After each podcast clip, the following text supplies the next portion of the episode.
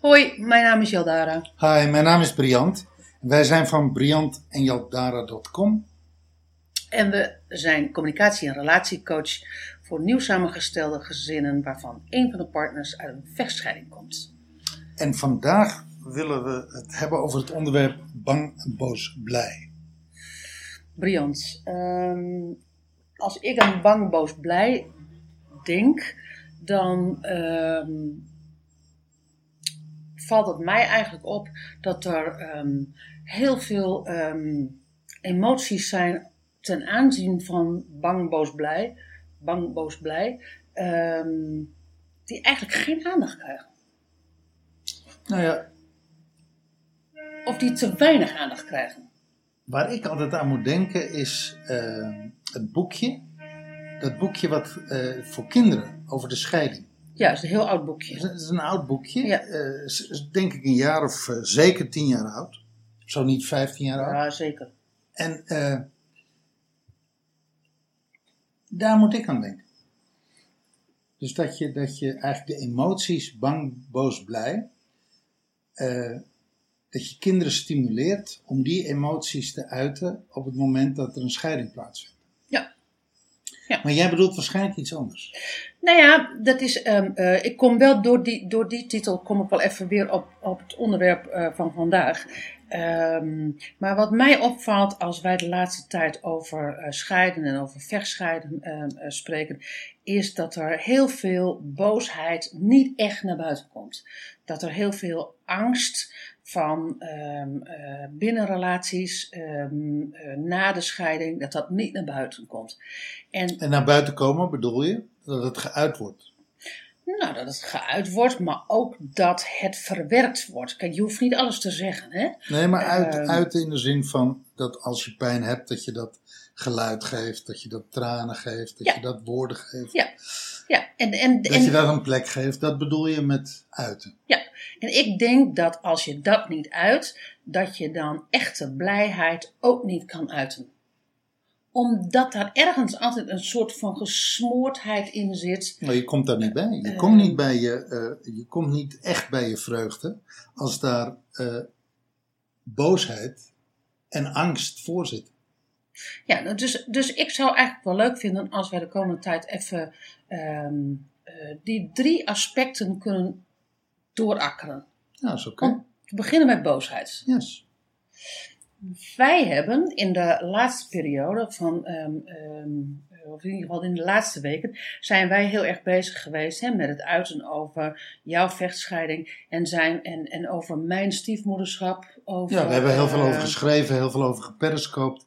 Daar hebben we heel veel interactie over gehad met, met ja, Precies, en, en stiefkinderen die mij niet accepteren. En daar zit echt heel veel boosheid zit daarbij. Zit er bij mij, zit er bij jou. En, zit eh, of zat. Zat, Ja. zat. En je ziet, eh, en de reacties die, daarvan, die daarop ehm, eh, loskwamen, daar ehm, zat een soort gesmoorde boosheid zat daar, zat daarin. En met name, ehm, Nou ja, wat, wat, het, wat die stukken die wij geplaatst hebben oproepen, is dat mensen in contact komen met oude boosheid, oude pijn of hele recente boosheid en recente pijn. En wat ons daarin opviel, is dat het, dat, dat heel vaak onverwerkte stukken zijn. En wat, me, wat ons zelfs opviel, eh, ik, ik ben daar op dit moment een stuk over aan het schrijven, dat er ook veel kinderen uit scheidingen zijn, vechtscheidingen, gewone scheidingen, eh, die een, deel van de pijn en de ellende die ze hebben meegemaakt, een deel van de pijn en de ellende die ze hebben gezien bij hun ouders, maar waar zij dan als kind, als het ware, eh, ja, een veeg uit de pan mee, van meekregen. Of in het, proces, eh, in het proces zaten dus eigenlijk ook een stuk pijn en ellende kregen. Dat die op een heleboel niveaus niet verwerkt is. Daar, daar, daar, schrokken we eigenlijk van. Dat viel ons op. Hoeveel mensen nog met onverwerkte boosheid zitten naar hun scheiding, hun ex, hun ouders. ja, en dan kan het natuurlijk niet anders zijn dan dat je als volwassene die boosheid ook nog je hebt. Ja, nee, tuurlijk. Die- Kind- later. Kinderen worden volwassen. Als je dat als kind niet verwerkt, dan eh, verwerk je het ook als volwassene niet, tenzij je daar bewust voor kiest. Nou ja, ik had natuurlijk, ik had vanochtend had ik, had ik met een jong volwassene had ik eh, een coaching. En ehm, over een vrij heftig stuk. En waarvan zij ook zei van eigenlijk ben ik gewoon heel boos op mijn moeder. En ehm eh, dat ging over ehm, eh, financieel misbruik. En, Het ging niet over een scheiding. Nee, het ging niet over een scheiding. Het ging echt heel expliciet over financieel misbruik van haar moeder eh, naar haar toe. En toen eh, zei ze van ja, maar als ik echt boos word, dan ben ik bang dat ik mijn moeder kwijtraak. Dus dan kom je gelijk met loyaliteit. Ja. Dus je komt eigenlijk als kind. Ehm, dat was ook wel aardig van dat boekje, van het Bang, Boos, Blij. Want dat was, een, dat was een zelfhulpboekje wat je als ouder met je kind kan doorakkeren. Waarin het kind plaatjes kan maken, eh, of, eh, eh, toe, kan knippen en kan plakken. Maar kan ook tekeningen maken, kan dingen opschrijven. Ehm, er zaten verhaaltjes in, waardoor je lucht geeft aan die boosheid. En daarmee zit je, ben je nog niet uit de loyaliteit. Maar zoals vanochtend, dat is, ehm, zij is zo verstrikt in die loyaliteit dat zij met haar 24 maar nauwelijks, nou ja, dat is een klus om dan voor jezelf te kiezen. Maar die boosheid, die, ehm, die, is, zo, die is zo onderdrukt. Nou ja, dat is op Nou ja. zich op die leeftijd niet zo raar. Nou ja, laat ik het zo zeggen. Eh, eh, loyaliteit is sterker als het uiten van de boosheid. Ja, dat is dus ook sterker als, als uiten van boosheid en ook, al- ook van angsten. Ja. Ehm, loyaliteit naar de opvoedende ouder is in die zin, ehm, ehm, is op dat moment dan echt smorend gewoon. Ik weet helemaal niet wat voor ander woord ik daarvoor moet ja, gebruiken. vind, ik- vind ik een mooi woord. Ik herken hem trouwens in mijn eigen leven. Rond die leeftijd, 4, 25.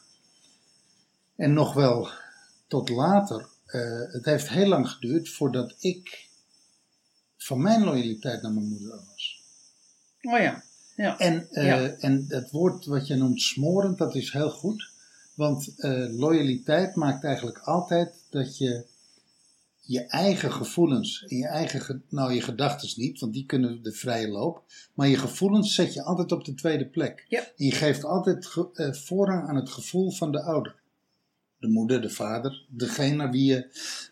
Als het een ongezonde loyaliteit is. ja, maar geef je dan... Als dat geef een verstrengelde loyaliteit is, dan geef je altijd voorrang aan de loyaliteit en niet aan je eigen gevoel. Ja, dat, die snap ik. Maar geef je dan voorrang aan het gevoel van je ouders? Of geef je voorrang aan het niet ehm breken met je ouders? Dus met andere woorden, dat je ehm, niet het risico wil lopen dat je uit de relatie gaat met je ouders. Ja, Omdat je ja, anders geen ja. papa of mama meer hebt. Ja, dat klopt, daar heb je gelijk in. Maar, maar daar is het gevolg van dat je de ouder dus voorrang geeft. Ja, ja, ja, nee, dat ben ik met je eens. Maar omdat jij zegt van, het, eh, eh, je, je geeft voorrang aan het gevoel van de ouder. Ja, Eh, eh, nou ja, laat ik dat- het zo zeggen. In ieder geval aan de dominantie van de ouder. Je, Ja. laat, je, je laat je feitelijk domineren door je ouder. nou ja, door je dat- vader of door je moeder of door beide.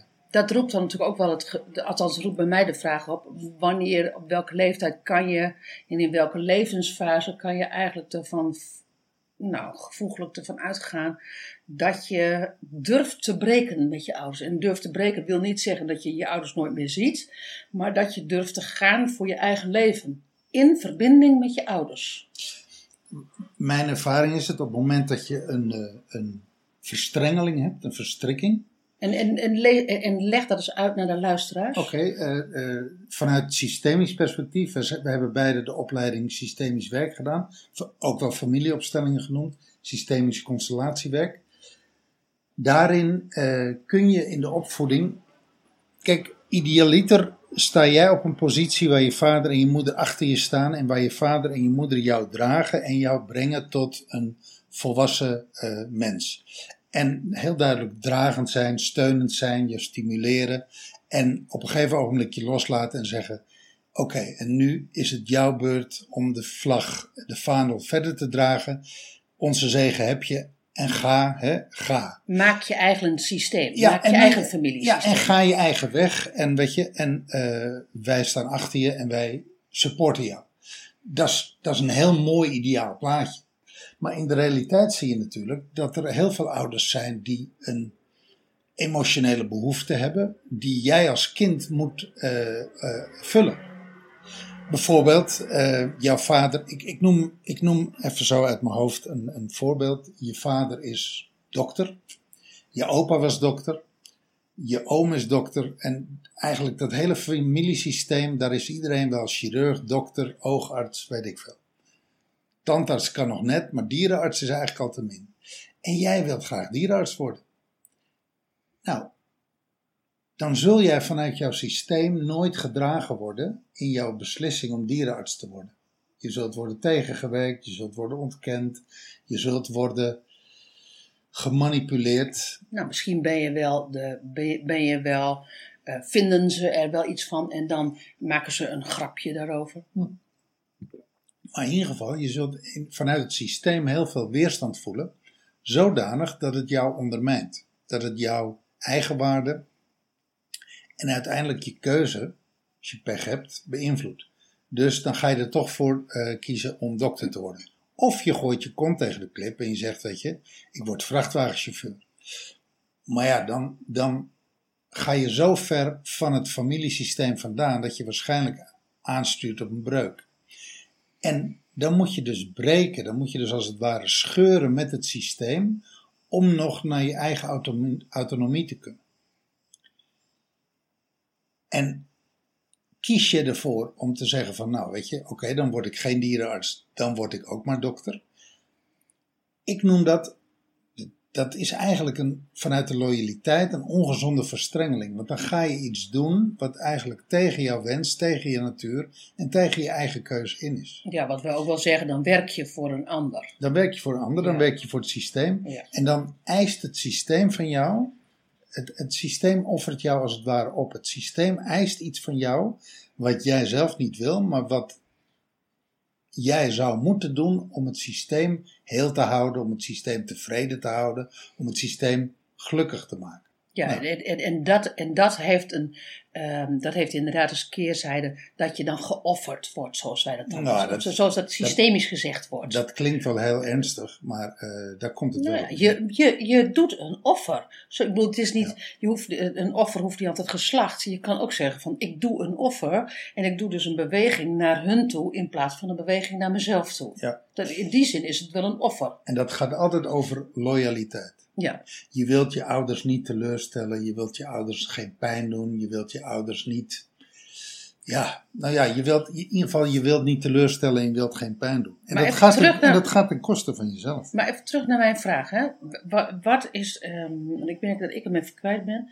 Um, Jouw vraag? Nou, mijn vraag niet van levensfase, CQ leeftijd. Wanneer dat je um, dus die boosheid um, uh, zo mag uiten van jezelf dat je niet meer in verstrikking komt met die loyaliteit met de ouders? Dat is voor, dat is voor iedereen verschillend.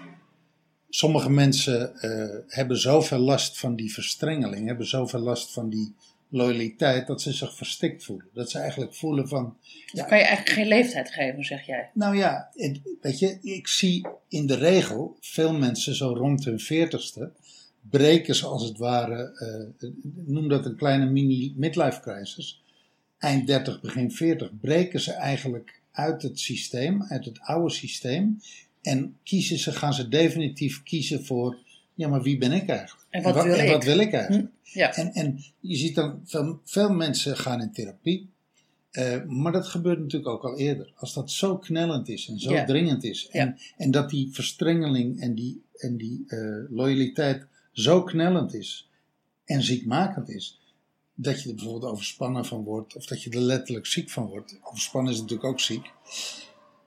Of je wordt er gek van, weet je, je wordt er depressief van, of het, allerlei uh, klachten, psychische klachten. Dan gaan mensen natuurlijk al, ook eind 20 of mid 20 of begin 20 gaan ze naar een therapeut. Of komen ze in de psychiatrie. Of... Maar eigenlijk zeggen we dus wel van um, uit die boosheid. Uh, probeer de boosheid uit de loyaliteit te halen. Voor, Nou ja. zo, voor zo goed en zo kwaad als dat kan. Nou, het is wel handig als je ziet wat loyaliteit is en wat het met je doet. En dat loyaliteit, eh, dat, eh, dat um, loyaliteit ervoor kan zorgen dat je je dus je boosheid niet uit. Ja. En als je in staat bent om boosheid en loyaliteit als twee entiteiten te benoemen. Noem het maar even expres zo hoor. Ja.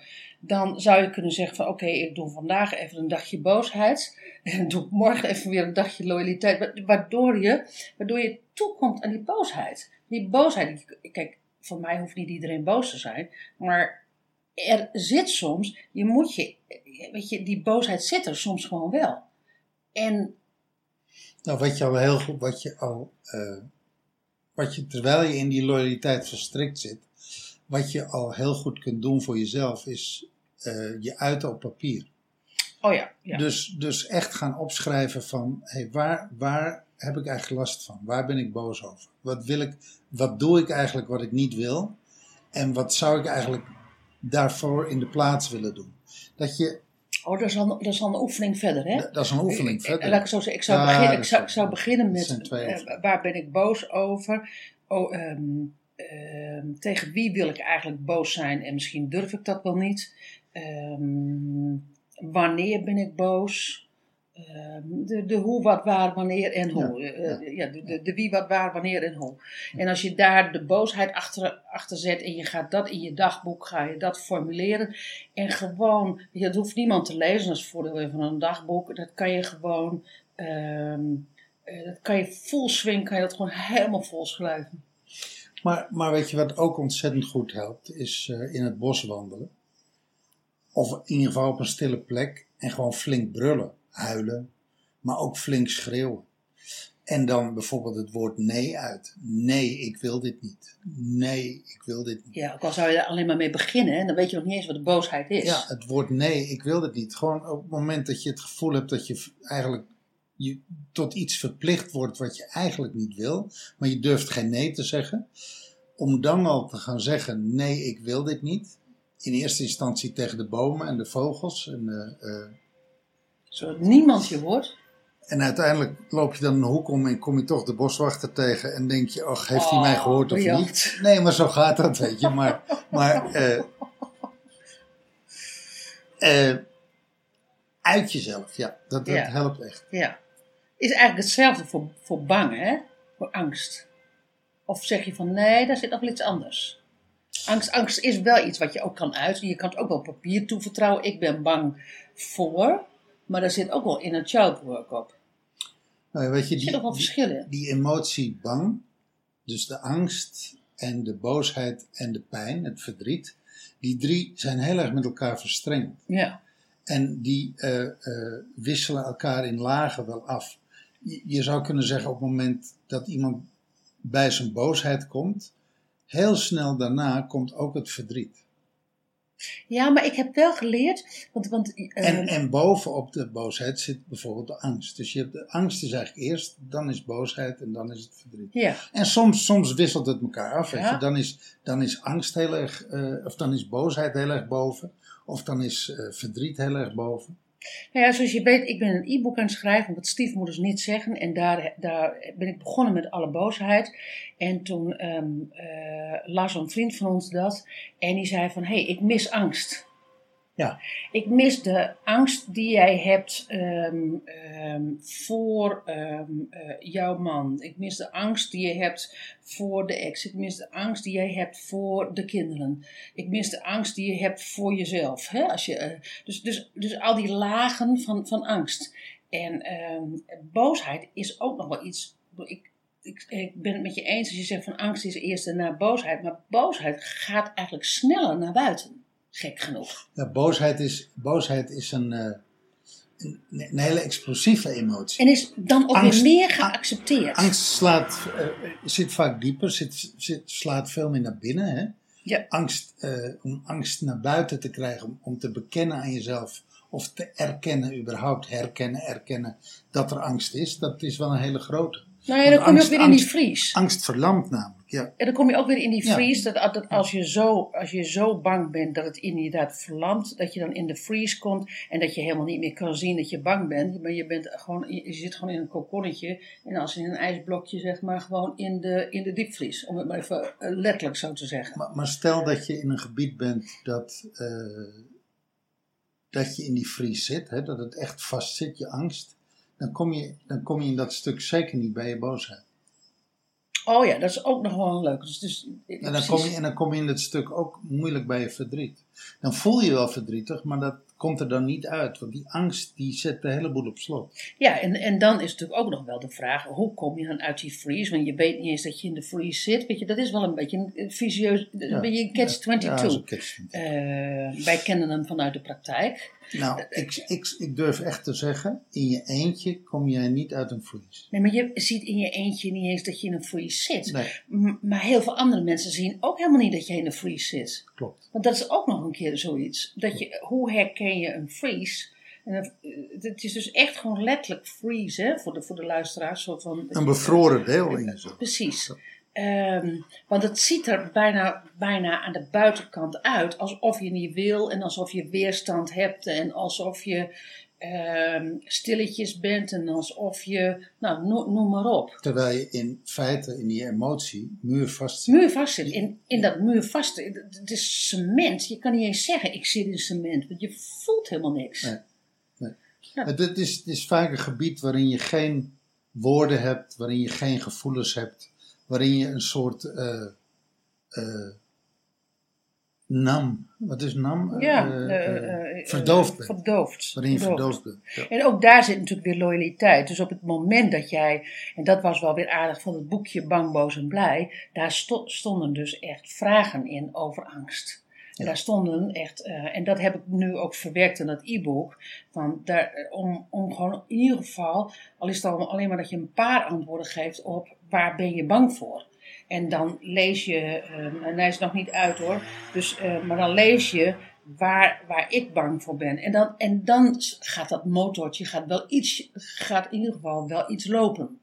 Nou ja, je hebt natuurlijk, je hebt natuurlijk zat eh, therapievormen die angst cognitief aan, aanvliegen. Dus puur eh, dat met gedragsbeïnvloeding een plek proberen te geven. Ik persoonlijk, ik, ik hou niet van die school. Ik geloof er ook niet in. Ik geloof veel meer in echt eh, naar het trauma. Want dat is, dat is uiteindelijk, is dat, eh, ligt daar een trauma aan ten grondslag. Ik ben veel meer van de school dat je naar het trauma toe gaat. En daar de boel echt ontdooit. En, en weer in, in je emotie van toen, van ten tijde van het trauma, heel vaak een jong kindtrauma, dat je die emotie weer in contact brengt met het nu, waardoor het nieuwe woorden krijgt, waardoor het nieuwe gevoelens krijgt, waardoor het ja, zich eigenlijk voor het eerst kan uiten. Ja, dat is natuurlijk En ook... dan, en dan ben je er voor goed vanaf. Gedrags, weet je, eh, eh, cognitief, dus echt alleen maar op gedrag. Ja, dan bouw je er een muurtje omheen. Dat is een kunstje. Ik geloof daar niet in. Nee, en, en, en, en dat is hetzelfde dat wij ook niet geloven dat als je daar een aantal goede zinnen tegenover zet, dat als je dat maar vaak genoeg zegt, dat je er dan ook doorheen bent. Met affirmeren bijvoorbeeld. Precies, Nee, dat, dat, dat nee, is het. nee. Was, het woord was ik even kwijt. Nee, Maar- als jij het onderliggende trauma niet, eh, niet verwerkt, dan helpt affirmatie. Ja, dan kom je wel ergens, maar, maar uiteindelijk nooit, kom je er nooit helemaal vanaf. Kan je daar een voorbeeld van geven? Gewoon hoe je dat dan doet? Want jij doet dat heel specifiek. Kan je, kan je daar een voorbeeld van geven? Heel simpel voorbeeld voor de luisteraars. En ik daag je uit, dat weet ik. Nee, dat, ik, ik, ik, ik zoek even. Ehm, kijk, een jonge kind. Ik, ik, er, er zijn een aantal behandelmethoden om eh, jonge kindtrauma's eh, op te heffen. EMDR is er een. EMDR is een hele bekende. Hè? Eh, dat is een therapievorm met rapid eye movement, weet je wel, waarin je van links naar rechts moet kijken. Dat is een, dat is een therapievorm die de laatste jaren enorm populair is. Mhm. Dat is een therapievorm waarmee je eh, jong kindtrauma, überhaupt trauma, goed kunt behandelen. Eh, het nadeel van EMDR, vind ik, is dat je nooit precies het begin van het trauma kunt eh, eh, vinden. Dus het Daar is, werken ze ook niet mee. Nee, daar werken zij niet mee. Dus het is eigenlijk, je krijgt een penicillinekuur voor eh, een breed spek- spectrum penicillinekuur voor het hele trauma, Hm. voor het traumagebied. Hm. Eh, ik zelf werk met een eh, methode die heet PMA, Progressive Mental Alignment. Dat is zeg maar het nichtje of het zusje van eh, EMDR. En dat is een methode waarmee je veel meer op detailniveau naar een jong kind trauma toe kan.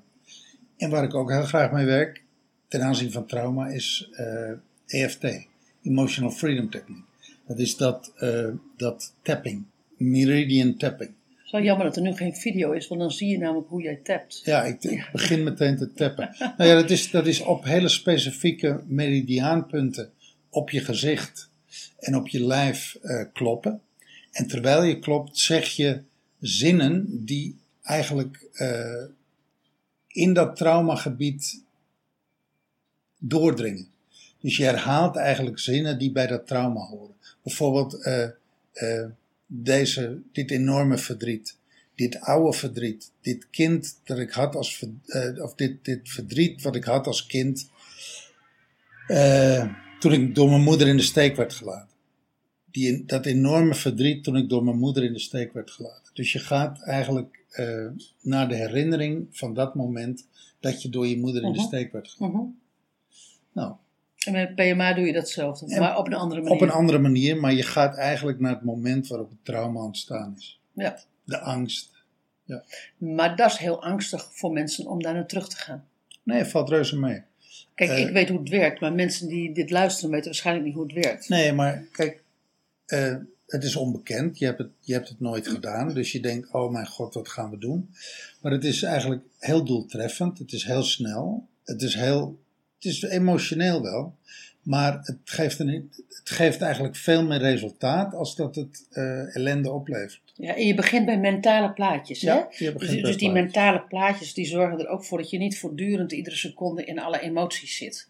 En ehm, eh, dus Oh, dat- je, gaat, je gaat heel kort door de emotie heen, maar daarna ontstaat er enorm veel opluchting en enorm veel bevrijding. ja, maar die mentale plaatjes zorgt er in mijn beleving ook voor dat het hanteerbaar blijft, die hele sessie. klopt. Want anders ben je gewoon, ben je gewoon 90 minuten alleen maar, alleen maar één, één brok emotie. Terwijl, Nee, dat is niet het terwijl dat dit een afwisseling is Ja. van mentale plaatjes en Ja. emoties, Ja. totdat je op een gegeven moment naar, naar het startpunt gaat. Ja.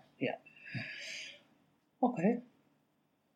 Bang, boos. eh, Nou, we, we, behandelen eigenlijk in deze eh, podcast meteen een aantal zijsporen. Ja.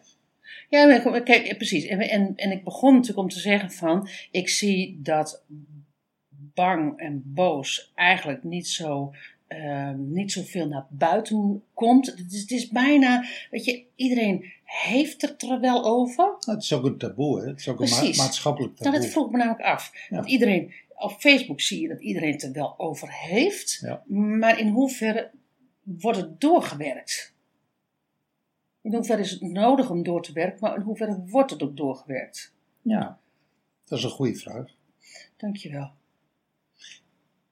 Nou, dat, dat, dat, dat, daar, ja, dat, daar, ehm, Nou ja, laat ik het zo zeggen, dat is voor iedereen persoonlijk, maar op het moment dat je angsten tegenkomt en op het moment dat je boosheid, woede, soms zelfs haat tegenkomt, op het moment dat je dat bij jezelf schoonmaakt en daar echt ingaat en je dat uit en dat een plek geeft, en ik, ik bedoel met schoonmaken eigenlijk dat oplost, zodat het niet meer in je systeem zit. Zodat maar wat is dan, en dat oplossen, nog iets specifieker?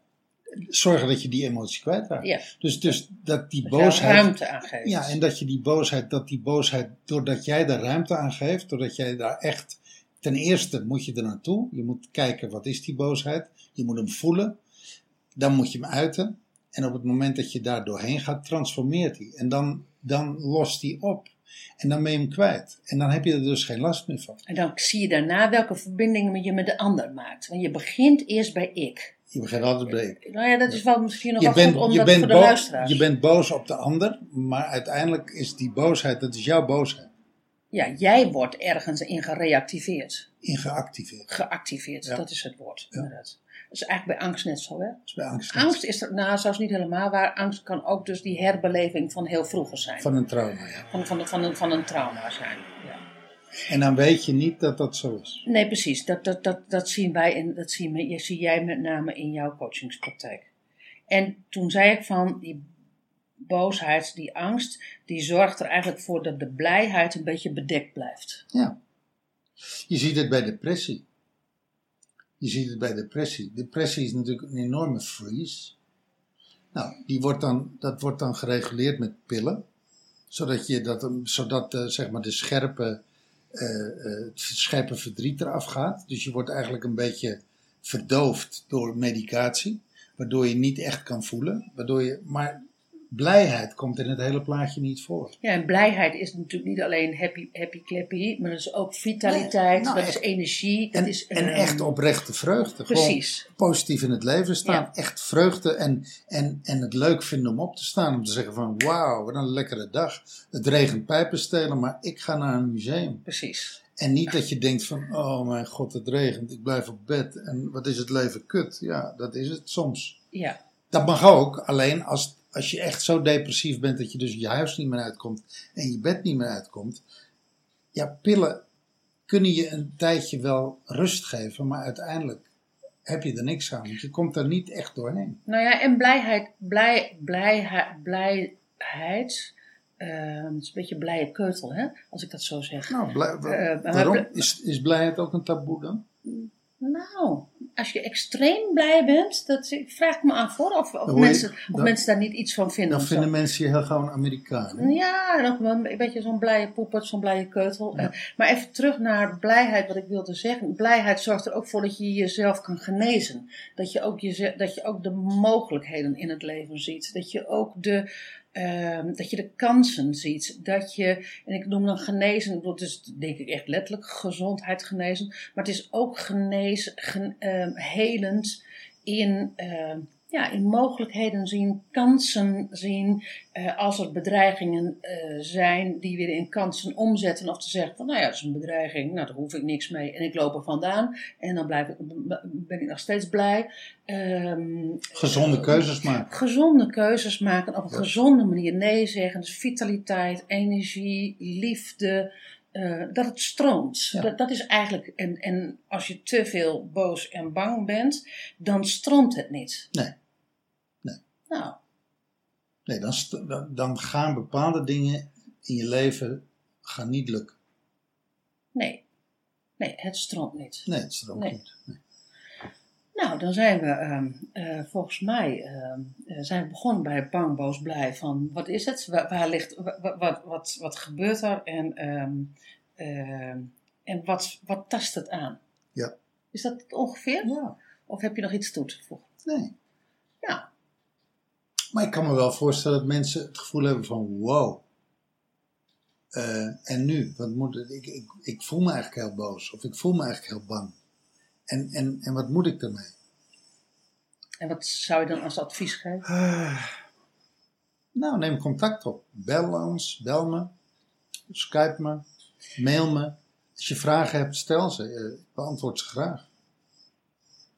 Oh, je zegt van, ik, ik ehm, eh, neem gewoon contact op, vrijblijvend. En, eh, Ja. eh, en, ik, en ik geef je gewoon antwoord. Ja, misschien ik kan geef ik- je gewoon eerlijk antwoord. Misschien kan ik je een goede tip geven. Ja. Misschien kan ik je goed advies geven.